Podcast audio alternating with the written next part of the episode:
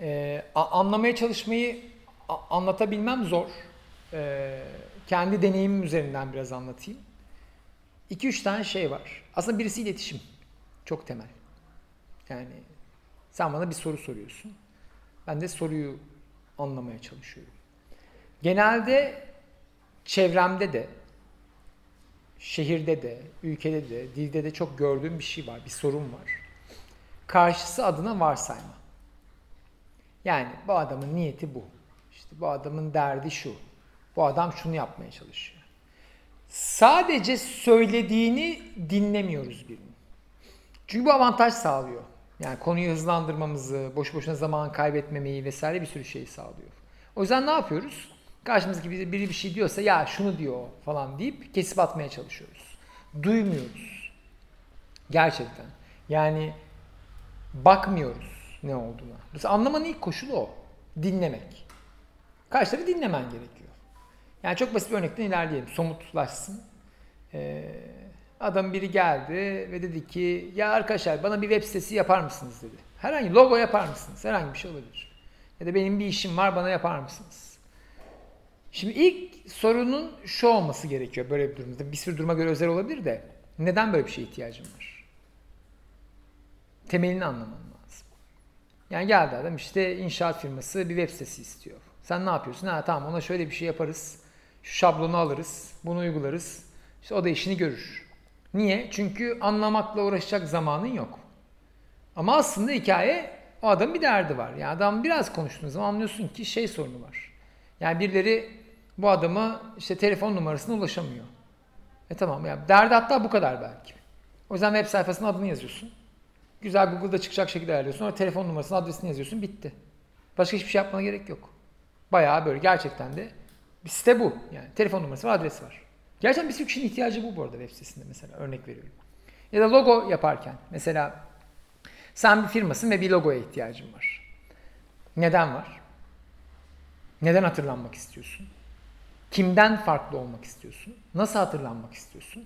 Mesela bir sürü logo bir firmanın temsil eden değerler üzerinden tasarlanmaz. Temsil etmesi istenen değerler üzerinden tasarlanır. Ya banka logosu mesela güven telkin etmek üzerine tasarlanır. Bankanın türüne göre değişir. O yüzden banka güven telkin etmeyebilir bu arada yani. O başka bir şey. Genelde zaten reklamlar zayıf olduğun yönler üzerine yapılır firmalarda. Zayıf yönünü kapatmak üzerine yapılır. Yani sen bir şuraya bir yemek salonu açacaksın ve atıyorum çevrende çok eski yemekçiler var. Onlar arasında mücadeleye girmen lazım. O yüzden yemekçi salonu adını şey koyarsın işte. Ee, Ebu Bekir 1870. Anladın mı falan. Yani bunun mesela dün açıldığını yeni gören biri tahmin edemez yani. Dolayısıyla ne yaparsın? Eksik tarafını kapatacak şekilde bir marka stratejisi yaparsın. İşte bilmem ne oğulları falan değil mi? Türkiye'de çok yaygın yani. Halbuki firma böyle 3 ay önce kurulmuş falan. Ünlü bir markanın benzerinden ondan faydalanır vesaire. Dolayısıyla hikaye anlamak için ilk koşul dinlemek. Yani ve dinlemek de zor bir şeydir bu arada. Karşı taraf bir şey der mesela. Der ki işte ya abi bu aralar canım sıkkın. Hmm, okey. Dersin ki neden bunu söylüyorsun? Yani önceden canın sıkkın değil miydi? Bu canın sıkkın olması bir problem mi? Bundan rahatsız mı oluyorsun yoksa canın sıkkın olması iyi bir şey mi? Yani adamın canının sıkkınlığını çözmek bir problem olabilir bu arada. Bir süre canının sıkkın olması gerekiyor olabilir. Sıkılman iyi gerekirse bu şey de vardır ya işte depresyon tedavisine vesairede. Ee, çok net bir örnek vereyim. İşte kızım oldu işte 3 yaşında arkadaşlarımın çocukları var falan. Ee, genelde İstanbul'da anne babalarda çok yaygındır. Çocuk sonrasında depresyon ilacı kullanırlar mesela. Bizim arkadaşlar da vardı ve bana dediler ki arkadaşlar sen de kullan. Ben de dedim ki abi tam yani ben de çok iyi durumda değilim. Ama ben depresyonumun sebebini bulmak, o sebeple nasıl mücadele edeceğimi bulmak benim yaşam şeklim. Yani benim hayatımı idame etmemi çok kötü bir şekilde engellemiyorsa, beni öldürmüyorsa onu kullanmamam lazım süründürüyorsa kullanmıyorum ben yani. Çünkü bu benim yeni gerçekliğimi tanımamda yardımcı oluyor. İhtiyacım olan bir şey o. Dönüşmem gerekiyor çünkü. O ilacı alırsam dönüşmeyeceğim. Dolayısıyla anlamak dediğim bunlar aslında. Yani hemen çözmeye çalışmamak. Lütfen birilerine yardım etmeye çalışmayın. Yani bu çok önemli aslında. Birilerini anlayın. Onların derdi ne? Niye size bu soruyu soruyorlar? Ben genelde bunu yaptığım için insanlar böyle şey diye düşünüyor. Ha işte Bağgörcü çok daha derin düşünüyor. Ya doğası bu yani bu işin. Konuşmak bu kardeşim. Arkadaşın sana bir şey anlatmak istiyor. Bir derdi var. Aşk kulaklarını ilk kez duyuyormuş gibi. Bu şeyde vardır yine zende vardır. Yani e, beginner's mind denir. İşte başlangıç zihni. Hiç bilmiyormuş gibi. Yani bir tasarım yapacaksın, kağıdı kalemi ilk kez eline alıyormuş gibi davran diyor. Çok yorucu bir şeyden bahsediyorum bu arada. Ya her zaman yapamayacağınız bir şeyden bahsediyorum. Her duyduğunuz şeyi şehirde özellikle ilk kez duyuyormuş gibi davranırsanız ölürsünüz yani.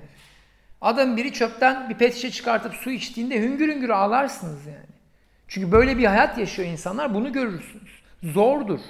Ya da her kişi sizden abi bana işte 3 lira versen dediğinde derdin ne kardeşim niye 3 liraya ihtiyacın var diye sorup hayatınızı durdurmanız gerekir. Kolay demiyorum ama en azından orada bir açma kapama tuşu varsa anlama becerinizin bu tuşun kontrolünü elinize alın. Yani bu önemli. Gerektiği zaman karşınızda ciddiye almanız gereken bir şey olduğunda o anlama tuşunu açın.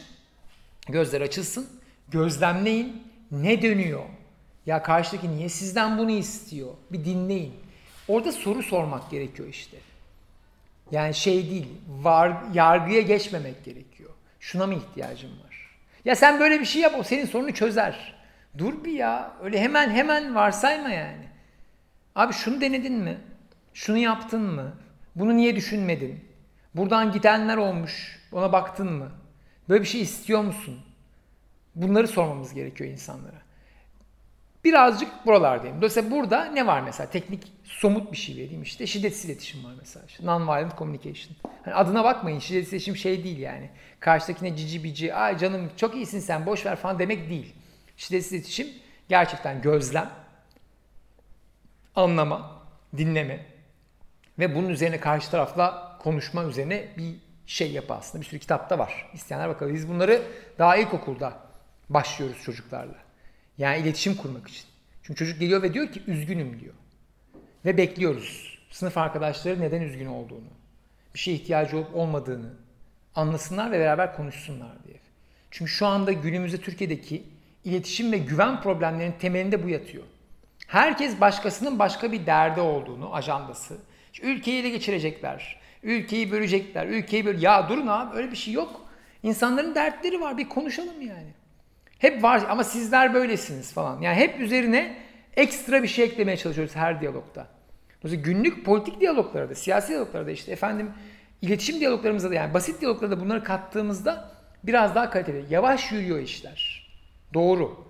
Ama o yavaşlık da sakin ve ilerleme şansı veriyor. Hızlı yürümeye çalışıp yürüyemiyoruz öbür türlü. Çünkü olduğumuz yerde patinaj çekiyoruz. Hani şey güzel bir metafor olabilir.